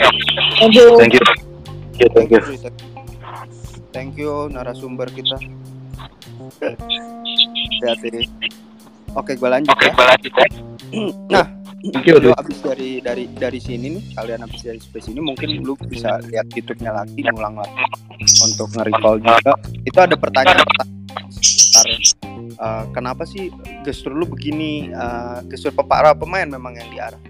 Kenapa kenapa tidak melakukan eh, di- tidak dipotong? Kenapa apa? Hamka Hamzah itu juga ngejelasin gitu loh, counter argumen bahwasannya memang itu eh, murni eh, dari insting mereka untuk bergerak tidak memotong bola misalnya. Nah, itu nanti bisa dicek lagi sih di YouTube. Silahkan aja itu udah ada ada penjelasannya tentang tragedi di Bukit Jalil waktu itu mungkin. Mungkin gua nambahin itu sih eh, mengenai pertandingan yang udah terjadi. Memang eh, itu para pemain itu udah sama sama Najwa gitu. Nah, Nah, ini Bin gimana? Ada yang mau speak speak atau ngasih pendapat lain? Eh, ada Mas Karolus yang request gua ACC ya. Boleh boleh ya. Mas bagus mas bagus Silakan silakan. Oh ya, silakan yang mau request buat speaker setelah ini bakal kita ACC setelah Mas Karolus selesai ya. halo bro Halo, halo. Oh, ini gara-gara nonton nonton Najwa nih kalau ada orang tua di samping tuh di samping ya, lagi nonton sama keluarga nih. Terus habis itu nonton bola dan nonton misalkan AFF gitu kan. Terus ternyata dia bilang ah pasti udah dibikin nih pasti udah dibikin nih. Pasti ada yang bilang kayak gitu. Ternyata ada yang bilang kayak gitu gitu jadi bukan eh, lu lihat dari cara mainnya dan segala macem. Ah ini kayak lemes nih. Awalnya kan gue gue ngebantah gitu. Oh, udah ada sugesti ya. ada sugestinya. Ternyata setelah setelah menonton Najwa kan. Setelah nonton Najwa terus pas nonton pertandingan itu udah pasti digawe nggak tahu sugesti bercanda atau enggak gue nggak tahu gitu. Mungkin di antara kalian mungkin ada yang kayak gitu mungkin. Atau mungkin dari yang pendek listeners juga ada yang ngeh mungkin kenapa Iya. ngomong kayak gitu itu kalau dari gue pribadi sih kayak gitu sih Mungkin itu dampak dari apa namanya ya setelah selesai kalifikasi. Tapi ya itu tadi eh, lupa untuk memberitahu eh, cara bermain. Jadinya yang kan adalah sudah jenuh duluan dengan adanya eh, berita-berita fixing. Jadi semua dipukul rata. Yang berkaitan dengan. Jadi kayak eh, brandingnya udah udah udah jelek duluan, image-nya udah jelek. Nah itu yang itu yang makanya kita hadir ini membahas space ini adalah karena untuk meliterasi nggak nggak gampang untuk eh, mengkategorikan sebuah match itu match fixing semua. Ya itu tadi Iya. bandar itu juga punya, punya cara sendiri untuk Hmm. pertandingan dan itu dia tidak ber- berarti dia dibatasi meng- ya Oke, berarti kan nggak nggak nggak semuanya gua mau- kan paling nggak ada caranya sendiri lah gitu. Iya iya. Ya gue boleh mau eh, boleh menanggapi. boleh boleh. Boleh. Eh, gue nggak nonton mata Najwa saat itu. Dan kalau dari pendapat tahu nggak bilang kayak pemain ada yang mengeluapkan gestur kalau memang ada yang aneh di beberapa momen pertandingan itu gitu ya. Kalau gue nggak salah dengar tadi. Mhm. Ya oke. Gue cuma mau bilang begini. Gue sangat yakin ketika pertandingan itu berlangsung, gak ada yang berpikir kalau itu ada match fixing. Isu itu muncul setelah pertandingan itu dan dilihat rekamannya. Setelah dari situ, asumsi-asumsi di, di- disebar. Ini tuh match fixing, kenapa? Ini loh rekamannya. Ini tuh match fixing, kenapa? Ini loh rekamannya. ada Padahal- buktinya gitu ya Ya, padahal ketika pertandingan berjalan, kita nggak berpikir ke situ. Kita hanya berpikir kenapa bisa kalah. Kayak gitu kan ya. Asumsi atau dugaan yang muncul itu kan eh, dugaan yang sekarang muncul itu kan ya mun- kemunculan awalnya setelah pertandingan gitu.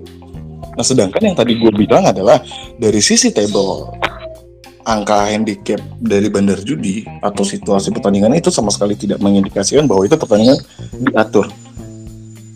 Udah. Eh isu pengaturan skor di Malaysia ya balik lagi tadi eh, muncul setelah gestur beberapa pemain di, di, diperdebatkan. Padahal kalau dari sisi kita ya match fixing itu bisa dilihat bahkan sebelum pertandingan selesai. Hmm. Jadi kayaknya gue mengutip eh, statementnya Reski tadi deh kalau gue nggak salah dengar bahwa ya ini apa dugaan itu terbentuk karena opini yang belum fix. Sedangkan kita membaca pertandingan itu match fixing atau enggak itu berdasarkan table dan itu terbaca bahkan sebelum pertandingan selesai. Hmm. Jadi apa? Ya silahkan publik menikmati dugaan-dugaan tersebut karena dari sisi gue adalah tidak ada match fixing dari sisi handicap segala macam di rumah judi. Cuma kalau dari perorangan ya kita nggak bisa jawab ya, karena asumsi itu keluar setelah pertandingan. Dan kan kita menilai itu dari sebelum pertandingan selesai. Masih ada perbedaan ya. Mungkin mungkin kalau gue dianggap membelain PSSI, mungkin karena argumennya adalah itu tuh Malaysia Indonesia jadi ramai karena asum-asumsi yang dibuat setelah pertandingan. Kalau misalnya gue di, di- di- di- diduga membela PSSI ya gitu.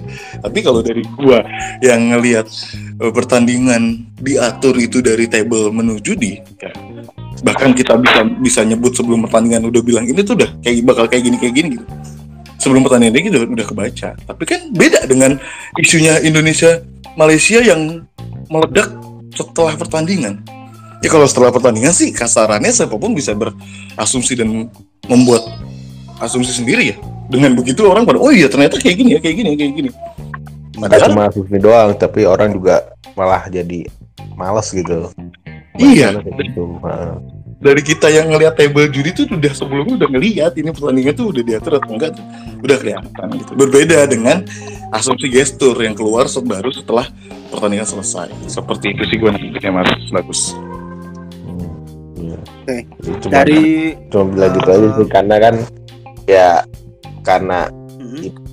bahas tentang apa ya kepikiran di apa mata najwa gitu terus pertama keluarga jadi ya kayak gitu.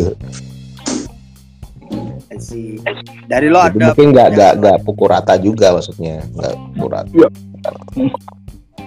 Nggak- mungkin rata dengar juga ada yang kayak gitu Oke. Next. Oke, dari Oke, thank you Mas Paulus. oke thank you thank you Dedi thank you Rizky Gitu mas bagus. thank you thank you yang lain ada lagi yang Eh, gua barusan ACC Mas Guntur silahkan. Wait, hilang dia. Sore mas Guntur. Enggak belum belum, hilang orangnya. oh nggak ada malu Oke, siapa yang mau request as speaker buat di ACC? ada lagi mungkin yang mau menyampaikan pendapat mungkin mau menambahkan juga. Atau mungkin Silakan. mau nambah. Silakan yang mungkin mau bertanya, mau mulai bermain, silakan. ya mungkin ada yang mau nanya. Tips-tips juga boleh. Ah mungkin tips-tips kali. Lu jelasin kali. Nggak nggak tahu kenapa biasanya orang tuh kalau misalnya kasih prediksi itu ketika dia posisinya lagi main tuh salah. Tapi ketika dia lagi nggak main ngasih prediksi itu biasanya bener.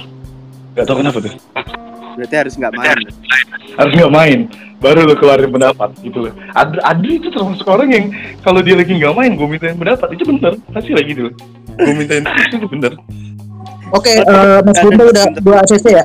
Mas Guntur udah ACC. Monggo monggo. monggo. oke mas Guntur halo. Sore sore selamat sore, Ya. ya mau Monggo. nanya atau mau berpendapat nih Eh, sebenarnya ada nanya juga ada pendapat juga sih. oke udah monggo, Sebenarnya kalau misalnya eh, terkait dengan judi bola ini kan kita bisa bilang ini udah kayak hal-hal umum lah yang yang kita tahu pasti tanpa kita sadarin pun itu pasti ada aja gitu loh. Tapi yang yang gue penasaran pun sebenarnya untuk pengaturan skor dengan dengan terkait dengan judi bola seperti ini nih biasanya dia memang memang langsung strike ke pemainnya atau memang di, di diincar dulu nih aparat aparat pertandingannya? Entah itu wasit entah itu apa pun itu deh entah itu yang terkait dengan dengan pertandingan atau memang strike ke pemainnya. Karena memang kalau misalnya kita cur- kalau misalnya kita lihat curiga kecuriganya kalau misalnya ah nih kalau pertandingan ini kayaknya udah diatur nih pasti itu kita lihatnya ke arah pemain yang paling kita sering lihat kan.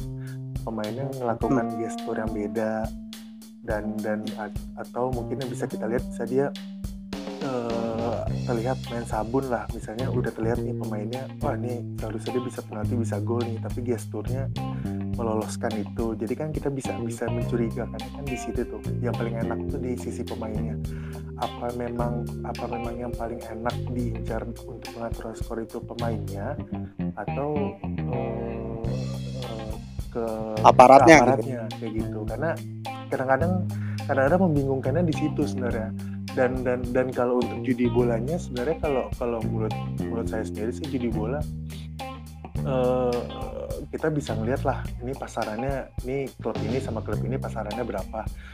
Kayaknya kayaknya kalau misalnya memang eh, itu terkait langsung ke ke pengaturan skor kayaknya agak agak ini ya agak eh agak ya belum bisa kita buktikan banget lah kalau misalnya dari dari judi bolanya kan pur berapa segala macem. Tapi kalau misalnya emang kita bisa ngeliat nih dari sisi pertandingannya ada hal-hal aneh nah itu kan bisa kita lihat tuh curiganya kan di situ. Tapi kalau misalnya kita tanya nih lebih lebih lebih terkaitnya itu dia strike ke pemainnya kah? Atau emang aparat aparat pertandingannya? Itu sebenarnya yang yang yang membingungkan. Itu sih. Oke. I- itu itu pertanyaan lu berarti ya? Iya. oke. Mungkin eh, John lu mau jawab? Ya oke. Eh, yang pertama gue mau kasih tahu adalah bisnis judi itu oh, industrinya besar, industrinya masih sensitif. Bahkan ke dalam sebuah negara yang menghalalkan, katakanlah ya, menghalalkan judi aja, eh, pembandar pun tidak bisa asal main dengan mudah strike bayar pemain, bayar klub, bayar wasit itu sangat tidak mudah. Kenapa? Ya karena ada media dan ada uh, regulator yang yang mengatur uh, sepak bola. Dari kasus dari kasus-kasus yang selama ini muncul, dari kasus-kasus pemberitaan selama ini muncul, baik yang sudah terbukti maupun yang terduga, itu bandar lebih banyak straight sama uh, langsung ke pemain. Gini, belum lama tahu nggak kasus Jude Bellingham yang menyebut wasit wasit Zoyer menyindir. Iya iya Jadi- iya. tahu tahu. Dortmund merasa dirugikan atas kepemimpinan Zoyer. Kemudian Bellingham bilang, ketika lo dapat wasit yang pernah terlibat dalam pengaturan skor, lo bisa berbuat apa? Kita balik lagi, Zoyer bukan tokoh langsung, tapi dia menerima suap dan mendorong mendorong eh, apa namanya pengaturan skor dalam pertandingan Hertha Berlin versus Eintracht Braunsch- Braunschweig. Ah lupa gue sebutannya itulah ya pokoknya ya. gue nggak pandai untuk nyebutin. Di pertandingan itu wasit utama dibayar. Wasit utama kemudian menyuap asisten-asistennya dan hakim garis. Bukan cuma wasit yang dibayar, pemain Hertha tiga orang dibayar juga. Itu adalah hasil penyelidikan yang sudah diungkap dan diselesaikan oleh DFB. Nah saat itu wasit yang dibayar, ah gue lupa, Obin mungkin bisa ingetin namanya siapa ya? Itu Oke. eh wasit yang dibayar itu sudah dipecat dan Hmm. dipenjara eh, kalau gua nggak salah 6 sampai 15 bulan. Kemudian asisten-asisten dan hakimnya yang disuap dan menerima suap itu hanya mendapat hukuman larangan beberapa tahun, kemudian rehabilitasi dan kata kata- katakanlah pemutihan lah ya. Nah, sampai akhirnya mereka bisa bertugas lagi saat ini. Dari case Hertha Berlin di DFB Cup itu, kita bisa lihat langsung, kita dikasih gambaran. Oh ternyata Bandar membayar wasit utama dan membayar tiga pemain Hertha yang dianggap bisa mengatur pertandingan untuk menghasilkan skor yang diinginkan oleh Bandar. Jadi kalau pertanyaannya eh, Bandar tuh mainnya ke otoritas ke eh, wasit ke apa sih? Ya dalam dua kasus besar yang kita dapat mereka bermain langsung ke pelaku yang ada di lapangan. Ya, Gitu. Kemudian agak sulit ya, bro ya kalau jangankan kita sebagai penonton, otoritas pun sebenarnya nggak mudah membongkar praktek itu, karena ya rumah judi itu bisnisnya besar, sensitif, duit perputaran duitnya luar biasa, dan dan mereka pun dari dari sisi mereka ya meskipun mereka punya duit dan segala macam tidak mudah untuk mengatur sebuah laga untuk menembus ke pemain ke wasit ke otoritas apalagi ke otoritasnya. Itu tidak mudah. Dan itu sulit dibu diungkap. Sulit itu sulit diungkap. Bukan bukan hal mudah ya. Ya maka dari itu dari contoh yang kita dapat Badar langsung eh, menuju ke pelaku yang ada di lapangan baik itu wasit atau pemain. Kayak gitu sih bro. Ah mungkin ada. Berarti berarti bisa bisa uh, saya ambil simpulan. Sebenarnya dia kalau misalnya memang ada kalau misalnya memang ada dalam tanda kutip permainan permainan bandar itu baik langsung ke pemainnya atau enggak ke wasitnya gitu. Jadi dia nggak nggak, oh, oh ke klubnya nih. Dari klubnya uh, ya udah kita akan nunjuk tiga orang misalnya. Atau ya udah berarti lainnya nggak tahu nih. Mereka mereka bisa bisa janjiin itu untuk tiga pemain ya udah tiga pemain itu aja yang tahu. Gitu berarti. Kita menduga iya. Tapi yang kan bahkan yang sudah terjadi seperti kayak gitu sih karena kan sudah terjadi itu memang ke dan lagi ya jangan kan kita otoritas aja susah untuk tetap ini. Kenapa bentur ada lagi? Oke, oke. Oke, cukup sih mas. Itu dulu.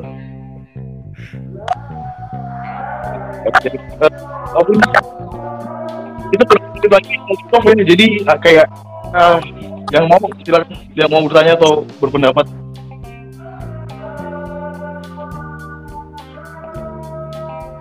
Robin bisa diaturin?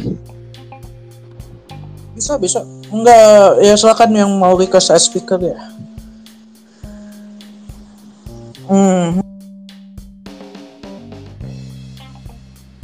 Atau gimana ya? Bebas sih, karena juga kita udah jalan lebih dari satu jam lebih. Mungkin kalau panelis sudah kelelahan atau bagaimana silakan. Bebas aja gue ngikutin aja. Ya. Sebenarnya gue Oke, oke, oke. Ada ada satu lagi. deh. eh, sorry. apa lu lu mau lu sambil nambahin gua ACC ini ya stiker ya Iya boleh boleh. Tadi si thank you Guntur udah bertanya dan juga apa namanya hmm, menyampaikan pendapat lah. Nah tadi gue nambahin juga sih sebenarnya dari aparat atau apa segala macem. Itu kemungkinan kemungkinannya memang ada dari mana-mana. Kayak dari eh, Pirlo juga ngomong bahwasannya kekurangan uang itu menjadi sumber dari segalanya orang mudah didekati untuk eh, bekerja sama membandar judi di salah satunya adalah yang paling mudah adalah biasanya di seri B. Si Pirlo itu udah mengerti gitu loh. Tak pemain bola itu tahu gitu loh. Bahkan kalau ada cerita lainnya itu mungkin eh, Cristiano Doni eh, dari Atalanta juga ikut terlibat gitu loh. Dari mana eh, ataupun kayak kasusnya Calciopoli gitu loh di Liga Italia gitu. Di eh, wasit dikurung eh, untuk menjadikan eh, Juventus bisa juara gitu loh. Jadi eh, pemain-pemain itu bisa dari aparat ya bisa juga dari pemain yang kekurangan uang itu juga bisa terlibat gitu loh di mana eh, apa namanya sumber masalah utamanya ya ya sebenarnya ada di uang. Makanya si Pirlo itu eh, selalu mengeluhkan eh, gaji gaji pemain itu eh, harus eh, dibayarkan sesuai lah dengan eh, apa yang eh, dia dapat apa yang dia eh, lakukan. Jadi dia eh, mencari kesejahteraan dalam sepak bola itu biar ini nggak terjadi lagi gitu loh. Nah itu mungkin yang tadi udah disampaikan John juga mungkin kalau ada banyak banget sih kisah-kisah eh, lain yang dari mana sih sebenarnya ini bisa terjadi. Gue lupa deh ada film Indonesia yang ngangkat ini. Kalau nggak salah filmnya yang bikin si Andi Yusuf Bahtiar deh. Gue lupa. Nah itu juga ngangkat dari mana kisah seorang reporter atau investigasi. Dia mau melakukan ngebuka eh, tentang mafia eh, mafia mafia ini tapi dia sendiri dibungkam. Pokoknya filmnya intinya itu tapi gue lupa judulnya apa. Mungkin itu juga bisa ngasih point of view baru lah. Dari mana sih sebenarnya eh, asal muasalnya ini semua eh, terjadi ya. Mungkin aparatnya itu juga eh, aparat-aparat yang diatur ini juga mungkin ya orang juga sendiri atau punya punya eh, usaha sendiri. Makanya juga di Liga Inggris juga eh, rumah judi nggak boleh jadi sponsor ya kalau nggak salah. Ad- mung- akan ada keluar itu ya Bin ya? Yang eh, kemungkinan terjadi ya Ada. Gimana? Ada rumah judi rumah judi nggak nggak boleh jadi sponsor kan? Sponsor buat apa dulu nih? Buat di di ini di apa Premier League ya? Kalau nggak salah gua gua baca sponsor kan boleh. Yang yang yang lagi diusaha eh, oke. Yang lagi diusahain itu adalah bagaimana menetralisir efek apa kecanduan judi. Oh iya makanya kemudian nanti mulai beberapa musim ke depan itu bakal nggak boleh buat sponsor langsung di yang terlihat Misalnya kayak dulu pas kita mulai zaman zaman rokok nggak boleh disponsorin langsung nggak boleh sponsorin langsung event olahraga. Makanya kan kita melihat produk-produk yang menyamakan. Istilahnya rokok tetap bisa mensponsori tapi dia nggak langsung gitu. itu yang bakal nanti berpengaruh juga ke eh, perusahaan judi. Anyway Mas Naufal udah gua ACC silahkan Mas untuk ngomong. Mungkin Mas Noval halo Mas Noval sore. Mau Iya, menyampaikan sore. pendapat? Ya, eh, cuman mau nambahin aja kayaknya kalau ngomongin match fix, apa, fixing ini kayaknya eh, nggak akan nemu ya bakal bakal bertabrakan gitu nggak bakal kita nggak bakal satu pemikiran juga ada ada perbedaan-perbedaan pendapat lah. Cuman gue mau cuman saat ada poin yang di mana kalau misalnya ngomongin kayak Liga Inggris match fixing kayak kayak kita misalnya nebak di rumah judi pasaran misalnya MU, MU ngepur eh, kemarin ngepur setengah kalau nggak salah. ya. Tapi kalau kita lihat eh, hasil pertandingannya kayak yang dilanggar penalti itu jelas penalti gitu. Emang emang benar gitu. Kayak buat kita bilang ini match fixing kayaknya nggak mungkin gitu kalau menurut gua. Cuma kalau kita lihat eh, di negara kita bang Indonesia bang kayak Liga 1 bang. Kemarin ada eh, pertandingan PSIS lawan Persipura. PSIS unggul duluan nih menit menit menit 42 apa di di rumah judi PSIS ngepur dia ngepur 3 per 4 ngepur setengah sama ngepur 3 per 4 tapi kalau dia ngepur setengah itu ada K misalnya dia nebak 100 ribu ada potongannya minus 1,30 apa jadi karena 130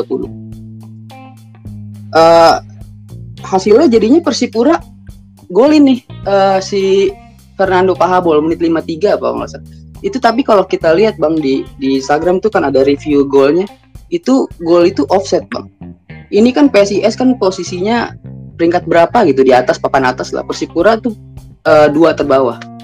Cuman gue heran aja kayak di liga liga kita nih nggak bisa diprediksi gitu. Aneh gitu kayak perangkat pertandingannya apa yang ikut bermain atau apa gitu. Jadi kayak kayak aneh aja gitu. Gol yang nggak seharusnya terjadi jadi terjadi gitu. Jadi kita kalau misalnya kita main nih kayak nggak bisa terima gitu aneh gitu. Gitu aja sih bang. Eh, ini gue Lu mau Gue- nanggep?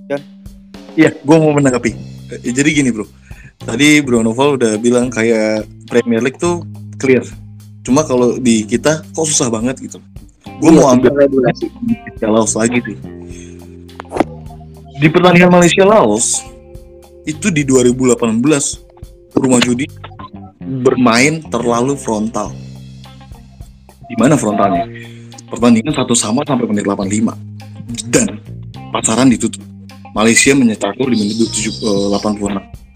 Itu itu cara yang sangat frontal di mana semua orang bisa langsung menduga, oh ini match fixing. Kemudian di 2021 sebenarnya nggak semua sadar dan itu judi mainnya sangat sangat halus.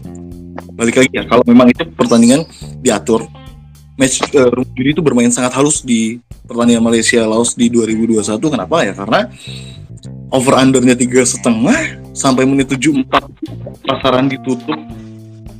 Ternyata di menit 78 hanya beda ber, eh, 3 menit Malaysia golin lagi. Ini ini kadang jadi kasus-kasus contoh di mana eh, ada pertandingan yang sangat-sangat mudah dicurigai dan sangat halus meskipun kayak ya katakanlah memang itu sudah diatur tapi itu caranya halus banget. Itu ada itu ada perbedaan di situ. Tapi balik lagi ya kita nggak bisa mengungkap apakah pertandingan itu diatur atau tidak kalau secara di luar table. Eh, angka handicap atau segala macam ya. Kita nggak bisa. Tapi untuk gue bisa katakan perbedaannya itu. Malaysia Laos Law 2018 diaturnya secara frontal sangat sangat sangat frontal.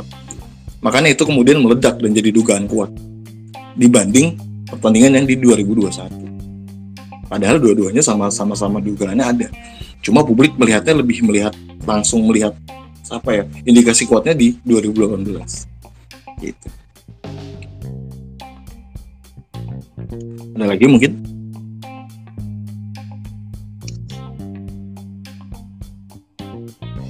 Ya eh, Mungkin gitu ya. Oke. Ah, mau ambil lagi atau satu lagi atau udah nih kayaknya jelang kick off soalnya nih atau mau lanjut dimension Gue ikut lo aja. S sebagai sebagai yang admin juga.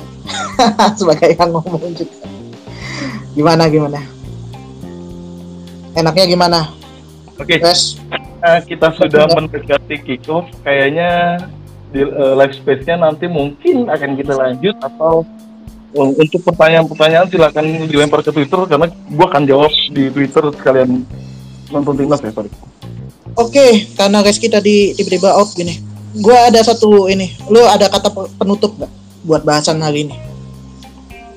Oh iya, oke. Gue bakal kasih dua sudut pandang ya. Baik dari sepak bola ataupun eh, judinya itu sendiri. Sekarang gini, gue mau kasih kesimpulan. Se- tidak semua pertandingan diatur oleh rumah judi. Tidak semua pertandingan rumah judi membayar elemen-elemen di lapangan. Kenapa? Karena mereka punya tim trading atau tim analisa yang sebelum pertandingan itu dimulai atau sebelum mereka mengeluarkan angka handicap dan odds itu mereka sudah ak- akan menilai pertandingannya akan berjalan seperti apa, golnya akan tercipta berapa banyak itu sudah dinilai. Itu.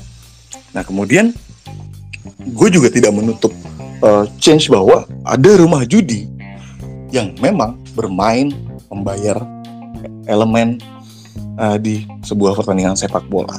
Contohnya sudah banyak dan contoh-contohnya itu pun ya sorry ya itu contoh-contohnya itu yang sudah selama ini dibongkar adanya adanya di Eropa. Untuk di Asia baru sekedar menduga-duga. Nah, jadi buat kalian yang mau memulai memain judi bola ya silahkan jangan putus asa jangan putus asa berpikir bahwa eh, pertandingan itu sudah diatur gitu kan. Tapi gue mengingatkan bahwa semua namanya judi adalah bertaruh dan untung-untungan. Meskipun sepak bola bisa kalian menang gitu dan dan gak semua orang kalah juga. Karena teman gue pernah main parlay modal berapa menang ratusan juta gitu. Nah buat buat gimana buat, buat yang kontra gitu kan.